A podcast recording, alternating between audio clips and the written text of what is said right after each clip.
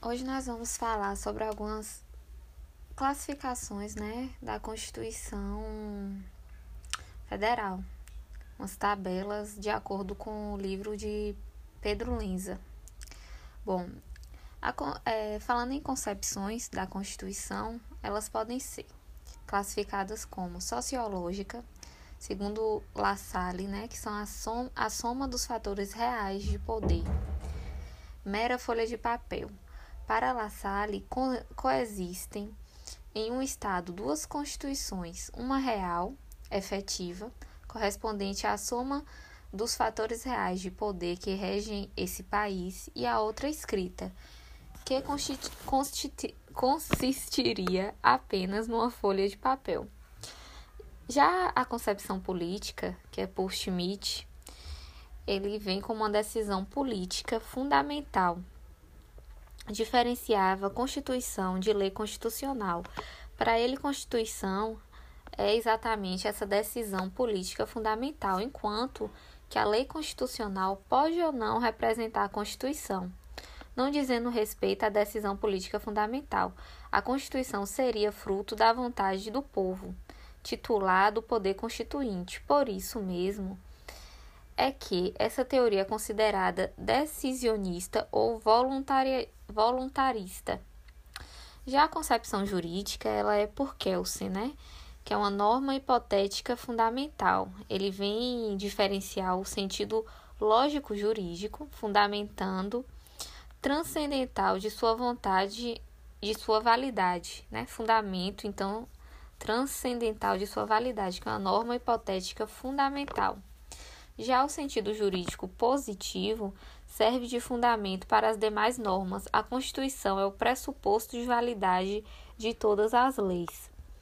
Também ele traz ainda, né, menos cobrado em provas, o, o sentido culturalista, que é de Michel Enis, que é o, a Constituição como fato cultural, tomando por base os direitos fundamentais pertinentes à cultura. E aberta, segundo Peter Haberle pode ser interpretada por qualquer povo, não só pelos juristas. Pluralista, segundo Gustavo Zagrebelski, que são os princípios universais, e também ele traz aqui por último, né, segundo Conrad Hesse, que é a Constituição como força normativa da, da Constituição, que seria o quê? Resposta à concepção sociológica de La Salle.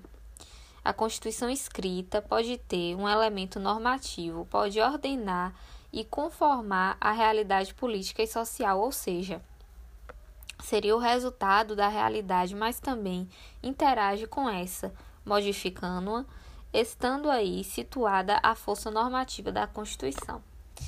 Também traz aqui né, uma tabela que diferencia os elementos das constituições, como sendo orgânico, que seria a estrutura do Estado, limitativo, que seriam os direitos fundamentais que limitam a atuação estatal, sócio-ideológico, que seria o que? O equilíbrio, equilíbrio entre ideias liberais e sociais ao longo da Constituição, né? É, e de estabilização, que asseguram solução de conflitos institucionais e protegem a integridade da Constituição e do Estado. E por último, como forma de elemento da Constituição, tem as formais de aplicabilidade, que seriam interpretação e aplicação da Constituição. Também traz aqui, além da concepção e dos elementos, a classificação das constituições, que pode ser, né, segundo o conteúdo, uma constituição material e formal.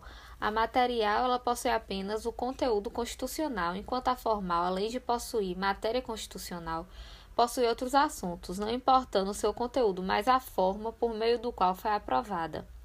Também pode ser classificada quanto à forma, que ela vai ser escrita ou não escrita. Na escrita é um documento formal, solene. Observação: todas as constituições brasileiras elas foram escritas.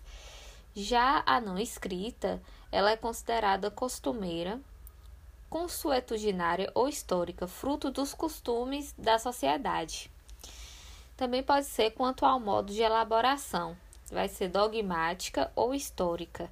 A histórica é fruto de uma lenta evolução histórica, enquanto a dogmática é fruto de um trabalho legislativo específico, reflete os dogmas de um momento específico da história. Quanto à origem, ela pode ser promulgada, que seria a democrática ou popular, feita pelos representantes do povo, como a Constituição de 91, de, 30, de 34, de 1946 e a atual, né, que é a de 1988. Também pode ser otorgada ou carta constitucional imposta ao povo pelo governante, que foi como a Constituição de Dom, Pere, Dom, Pre, Dom Pedro, que é a de 1824, e também a militar, e antes disso a de Getúlio Vargas. Ela pode ser também considerada cesarista, que seria o que? Plebiscitária ou bonapartista, feita pelo governante e submetida à apreciação do povo mediante referendo. Também pode ser pactuada, né, que é a contratual ou dualista, fruto do acordo, acordo entre duas forças políticas de um país, como é na França. É, hoje, né, a de 88, ela é uma constituição promulgada, foi feita pelos representantes do povo, como a gente já disse. Ela também pode ser classificada quanto à sua extensão, que vai ser sintética ou analítica. A sintética ela é breve, sumária, sucinta, resumida, tratando-se apenas dos temas principais, como é nos Estados Unidos.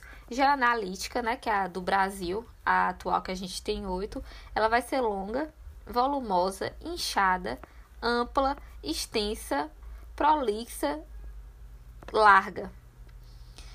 É...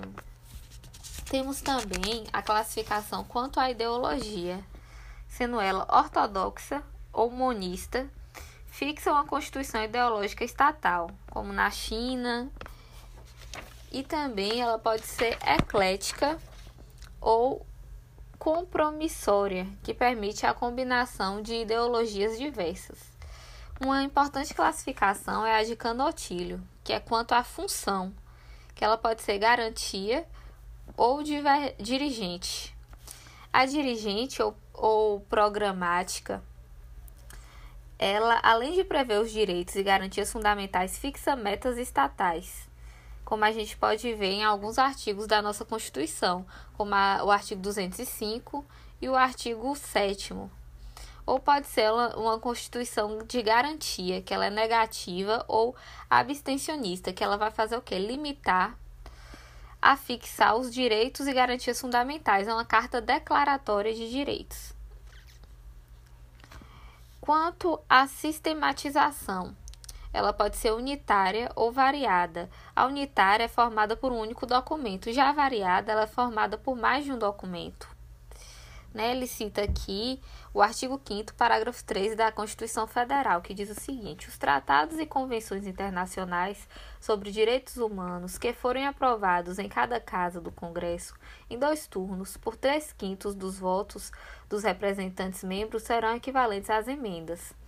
Importante atenção é que a Constituição de 88 nasce como uma Constituição unitária, mas ela vem passando por um processo de descodificação, né? Então, ela está passando aí pelo processo de descodificação. Já quanto ao sistema, ela pode ser preceitual ou principiológica. Na principiológica, possui mais princípios do que regras. É, para Paulo Bonavides, ele entende que a Constituição de 88 ela é principiológica. Já a preceitual possui mais regras do que princípios. Uma importante classificação também, ela é de Carl Lewestin, que é quanto à essência, que é, um, que é o critério ontológico. Ela pode ser, então, semântica ou nominal ou ainda normativa. A semântica é a constituição cujas normas foram elaboradas para a legitimação de práticas autoritárias de poder, garan geralmente decorrem de usurpação do poder constituinte, como a Constituição de 1937 e de 1967. Já a nominal ou nominalista é quando não há uma concordância absoluta entre as normas constitucionais e as exigências do processo político, estas não se, não se adaptando àquelas, isto é, se a dinâmica do processo político não se adaptar às normas da Constituição, esta será nominal. É a Constituição sem valor jurídico, cujas normas, na maior parte, são ineficazes. Já a normativa são aquelas que possuem valor jurídico, cujas normas dominam o processo político, logrando submetê-lo à observância e adaptação de seus termos. É aquela na qual há uma adequação entre o texto e a realidade social. O seu texto traduz os anseios da justiça dos cidadãos, sendo o condutor dos processos de poder. É, Para Pedro Lenza, afirma que a Constituição brasileira está caminhando para a Constituição nominal, para norma, da nominal para a normativa. Contudo, a posição majoritária é de que a Constituição brasileira ela é normativa. Quanto à origem da sua decretação, segundo Jorge Miranda, ela pode ser autônoma ou heterônoma. A heterônoma é feita em um país para vigorar em outro país, e a autônoma é feita em um país é, para nele vigorar, que é a regra geral, né? Que a Constituição brasileira ela também é assim, autônoma. Já a classificação de Raul Machado Horta, ele vem como uma Constituição plástica ou expansiva. A Constituição plástica permite sua ampliação por meio de leis infraconstitucionais, segundo a lei, nos termos da lei, como a de 88, que é a atual. Já expansiva, além de ampliar temas já tratados, trata de novos temas. Quanto à atividade legislativa, ela pode ser uma Constituição-lei ou uma Constituição-fundamento.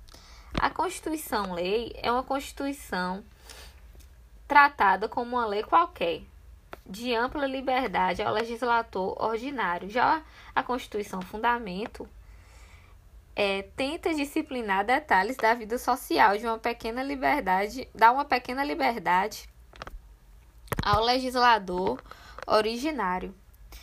É, também quanto à atividade legislativa, ela pode ser uma constituição moldura. Então, ela vai ser uma constituição lei, fundamento ou moldura, que, segundo Canotilho, como a moldura de um quadro, a Constituição fixa os limites de atuação do legislador ordinário é a classificação quanto à Constituição simbólica. É uma Constituição cujo simbolismo é maior do que seus efeitos práticos. Para Marcelo Neves, a Constituição Federal é simbólica por ter um, um elevado número de normas programáticas e dispositivos de alto grau de abstração. Marcelo Neves afirma que a Constituição que a constitucionalização simbólica tem como objetivo confirmar determinados valores sociais, desejando-se apenas uma vitória legislativa e fortalecer a confiança do, do cidadão no governo ou no Estado por meio da legislação álibi, é, que por meio da qual se, esva se esvaziam pressões políticas e apresentam o Estado como sensível a expectativas dos cidadãos, porém sem efetividade. Por fim, teria como terceiro objeto, objetivo adiar a solução de conflitos sociais por meio de compromissos dilatórios, postergando-se a verdadeira decisão para o futuro. A Constituição pode ser ainda quanto ao conteúdo ideológico, segundo André Ramos Tavares. Ela pode ser liberal ou social. A liberal possui apenas direitos individuais ou de primeira dimensão, exemplo, vida, liberdade, propriedade. O Estado tem o dever principal de não fazer. Já a Constituição Social, além de direitos individuais, prevê direitos sociais ou de segunda dimensão, exemplo, saúde, educação, moradia, alimentação o Estado tem o dever principal de fazer. Segundo é, Jorge Miranda, né, traz também a classific outra classificação, que é como definitiva ou provisória. A definitiva ela possui prazo indeterminado de, de duração. Já a provisória pro, produz, né, possui duração reduzida até que seja elaborada a Constituição definitiva. É, também podemos mencionar a Constituição, balanço ou registro. Periodicamente elabora-se uma Constituição fazendo uma análise do avanço social ocorrido nos anos anteriores. E a Constituição em branco, ela seria o quê? Não prevê regras e limites para o exercício do poder constituinte derivado reformador. Já a classificação quanto à rigidez ou estabilidade, ela pode ser imutável, rígida, flexível, transitoriamente flexível, semi-rígida, fixa ou superrígida. A imutável não pode ser alterada, né? Pretendendo ser eterna e fundamentando-se na crença de que não haveria órgão competente para proceder à sua forma. Pode estar relacionada a fundamentos religiosos. Já a rígida, ela possui um processo de alteração mais rigoroso que o destinado às outras leis, como a de 88. A flexível possui o mesmo processo de alteração que o destinado às outras leis, os países de constituição flexível não possuem controle de constitucionalidade. A transitoriedade flexível é uma constituição flexível por algum período, fim do qual se torna uma constituição rígida. Já semi-rígida ou semi-flexível, é, parte dela é rígida e parte dela é flexível. A fixa ou silenciosa é aquela que nada prevê sobre sua mudança formal, sendo alterável somente pelo próprio poder originário. Já a Constituição superrígida é a Constituição rígida que possui um núcleo imutável. Outra classificação é, é a Constituição dúctil, considerada Constituição suave, idealizada pelo jurista italiano Gustavo Zacrebelski é aquela que não define ou impõe uma forma de vida, mas assegura condições possíveis para o exercício dos mais variados projetos de vida, reflete ao pluralismo ideológico, político e econômico existente em uma sociedade. Também é classificada, pode ser classificada como orgânica, é, que seria o que? Rechaçada a ideia de existência de um bloco de constitucionalidade, constitucionalidade, visto que a Constituição seria disposta em uma estrutura documental única. É, também temos a Constituição subconstitucional, que seria admi, que admite né, a constitucionalização de temas excessivos e o, al, alcance, e o alçamento de detalhes e interesses momentâneos no patamar constitucional. Para o Ad Lamego Bulos, citando o Rio de Brugge, as constituições só devem trazer aquilo que interessa à sociedade como um todo, sem, detalhar, sem detalhamentos inúteis. Esse excesso de temas forma as constituições sub, substitu, sub institucionais, que são normas que, mesmo elevadas formalmente ao patamar constitucional, não são, porque encontram-se limitadas nos seus objetivos. Já uma Constituição processual, instrumental ou formal, ela é considerada um instrumento de governo definidor de competências, regulador de processos e estabelecedor de limites da ação política. Seu objetivo é definir competências para limitar a ação dos poderes públicos, além de representar apenas um instrumento pelo qual se eliminam conflitos sociais. Já a Constituição chapa branca, então existe uma Constituição em branco, que não prevê regras e limites, e existe essa chapa branca, que seria, né, que teria um intuito principal da Constituição tutelar interesses e até mesmo privilégios tradicionalmente reconhecidos aos integrantes e dirigentes do setor público.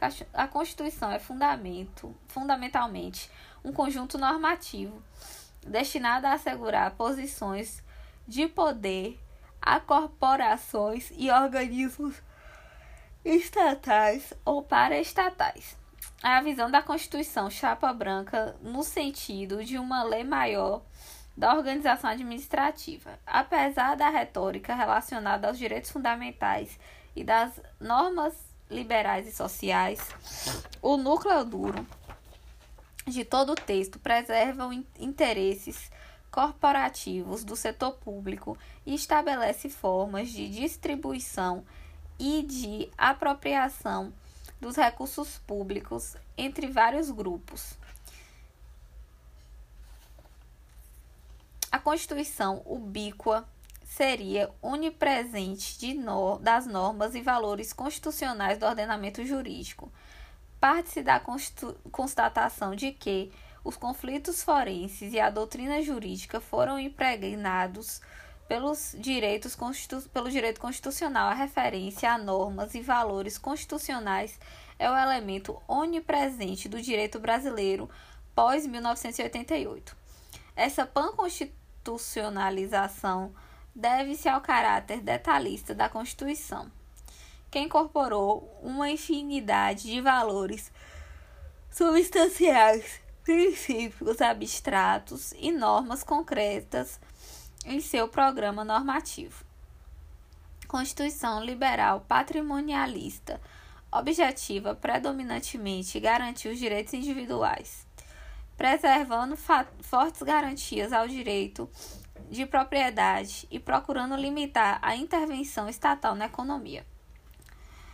É a Constituição principiológica e judicialista ela traz três pontos importantes. Primeiro, a importância crucial dos direitos fundamentais, incluindo sociais, sendo a Constituição de 88 um texto denso, exigente, limitando a liberdade do legislador e impondo sua implementação.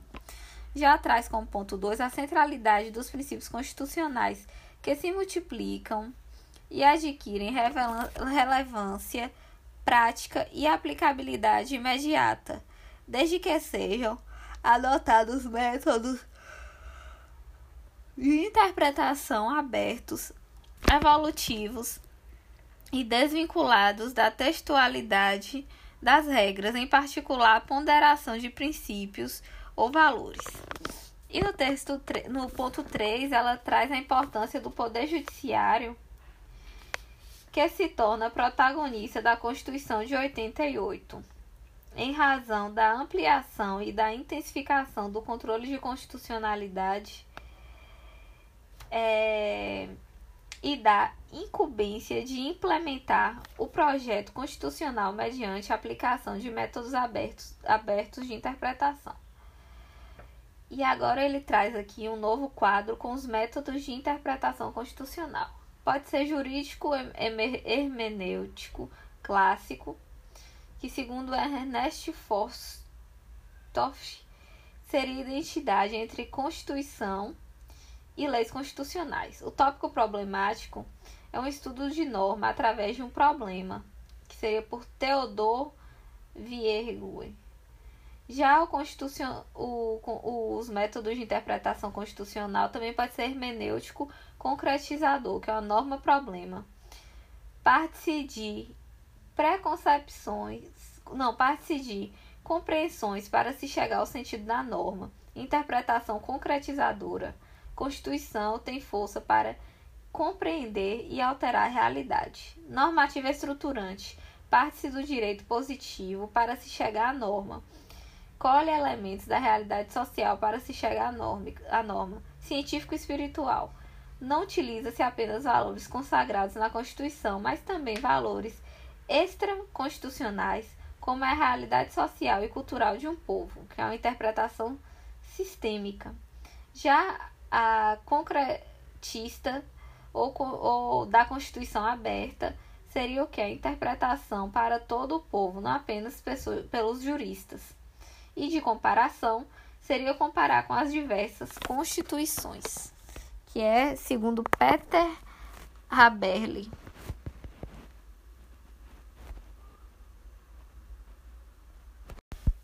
Continuando né, a gravação dos, da, das tabelas, a gente vai falar do princípio, dos princípios da interpretação constitucional. O primeiro é o princípio da supremacia da Constituição, que diz o seguinte: toda interpretação constitucional se assenta no pressuposto da superioridade jurídica da Constituição sobre os demais atos normativos no âmbito do Estado. Assim, em razão da supremacia constitucional, nenhum ato jurídico ou manifestação de vontade pode subsistir validamente se for incompatível com a lei fundamental. Em razão da superlegalidade formal, Constituição como fonte primária da produção normativa, identificando competências e procedimentos para elaboração dos atos normativos inferiores. E material da Constituição subordina-se ao conte o conteúdo de toda atividade normativa estatal à conformidade com os princípios e regras da Constituição surge o controle de constitucionalidade, que nada mais é do que uma técnica de atuação da supremacia da Constituição. Já o princípio da presunção de constitucionalidade das leis e dos atos do poder público, ele traz dois pontos importantes. Letra A, não sendo evidente a inconstitucionalidade, havendo dúvida ou possibilidade de razoavelmente se considerar a norma como válida, deve o órgão competente abster-se da declaração de inconstitucionalidade. Já um ponto B é diz o seguinte: havendo alguma interpretação possível que permita afirma, afirmar-se a compatibilidade da norma com a Constituição, em meio a outras que carre, carreavam para ela um juízo de invalidade, deve o intérprete optar pela interpretação legitimadora, mantendo o preceito em vigor. O princípio da presunção de constitucionalidade das leis e dos atos do poder público é uma decorrência do princípio geral da separação dos poderes e funciona como fator de autolimitação da atividade do judiciário, que, em reverência à atuação dos demais poderes, somente deve invalidar os atos diante de casos de inconstitucionalidade flagrante e incontestável. Princípio da interpretação conforme a Constituição. Diante de normas plurissignificativas ou polissemânticas que possuem mais de uma interpretação, deve-se preferir a exegese que mais se aproxime da Constituição ainda que não seja o mais obviamente decorra do seu texto, e, portanto, que não seja contrário ao texto constitucional. Princípio da unidade de, da Constituição. A Constituição deve ser sempre interpretada com, em sua globalidade como um todo, e assim as aparentes antinomias deverão ser afastadas. As normas deverão ser vistas como preceitos integrados em um sistema unitário de regras e princípios. Princípio do efeito integrador ou da eficácia integradora.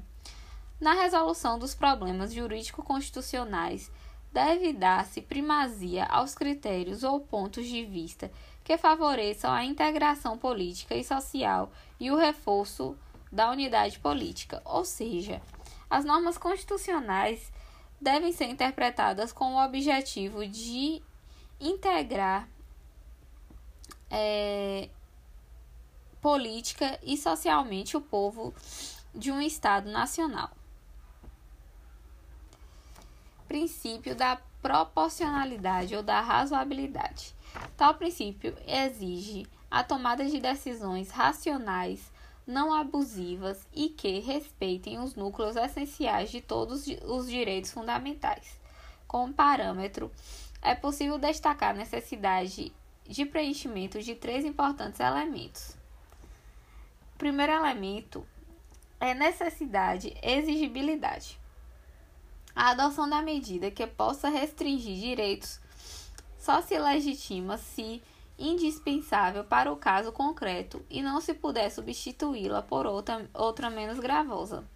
Letra B. Adequação, pertinência e idoneidade o meio escolhido deve atingir o objetivo perquerido. Terceiro e último ponto: proporcionalidade em sentido estrito. Sendo a medida necessária e adequada, deve-se investigar se o ato praticado, em termos de realização do objeto pretendido, supera a restrição a outros valores constitucionais, podendo falar em máxima efetividade e mínima restrição. Princípio da máxima efetividade, também chamado de princípio da eficiência ou da interpretação efetiva, deve ser entendido no sentido de a norma constitucional ter a mais ampla efetividade social. Princípio da força normativa. Os aplicadores da Constituição, entre as interpretações possíveis, devem adotar aquela que garanta maior eficácia, aplicabilidade e permanência das normas constitucionais, conferindo-lhes sentido prático e concretizador em clara relação com o princípio da máxima eficiência. Princípio da justeza ou da conformidade, exatidão ou correção funcional. O STF, ao concretizar a norma constitucional, será responsável por estabelecer a força normativa da Constituição, não podendo alterar a repartição de funções constitucionalmente estabelecidas pelo constituinte originário, como é o caso da separação dos poderes no sentido de preservação do Estado de Direito. O seu intérprete final não pode chegar a um resultado que subverta ou perturbe o esquema organizatório e funcional constitucionalmente estabelecido. Princípio da concordância prática ou harmonização. Partindo da ideia de unidade da Constituição, os bens jurídicos constitucionais deverão coexistir de forma harmônica na hipótese de eventual conflito ou concorrência entre eles, buscando assim evitar o sacrifício total de um princípio em relação ao outro em choque. O fundamento da ideia da concordância decorre da inexistência de hierarquia entre princípios. E assim encerramos né, as tabelas sobre os princípios constitucionais, né? Uma breve análise.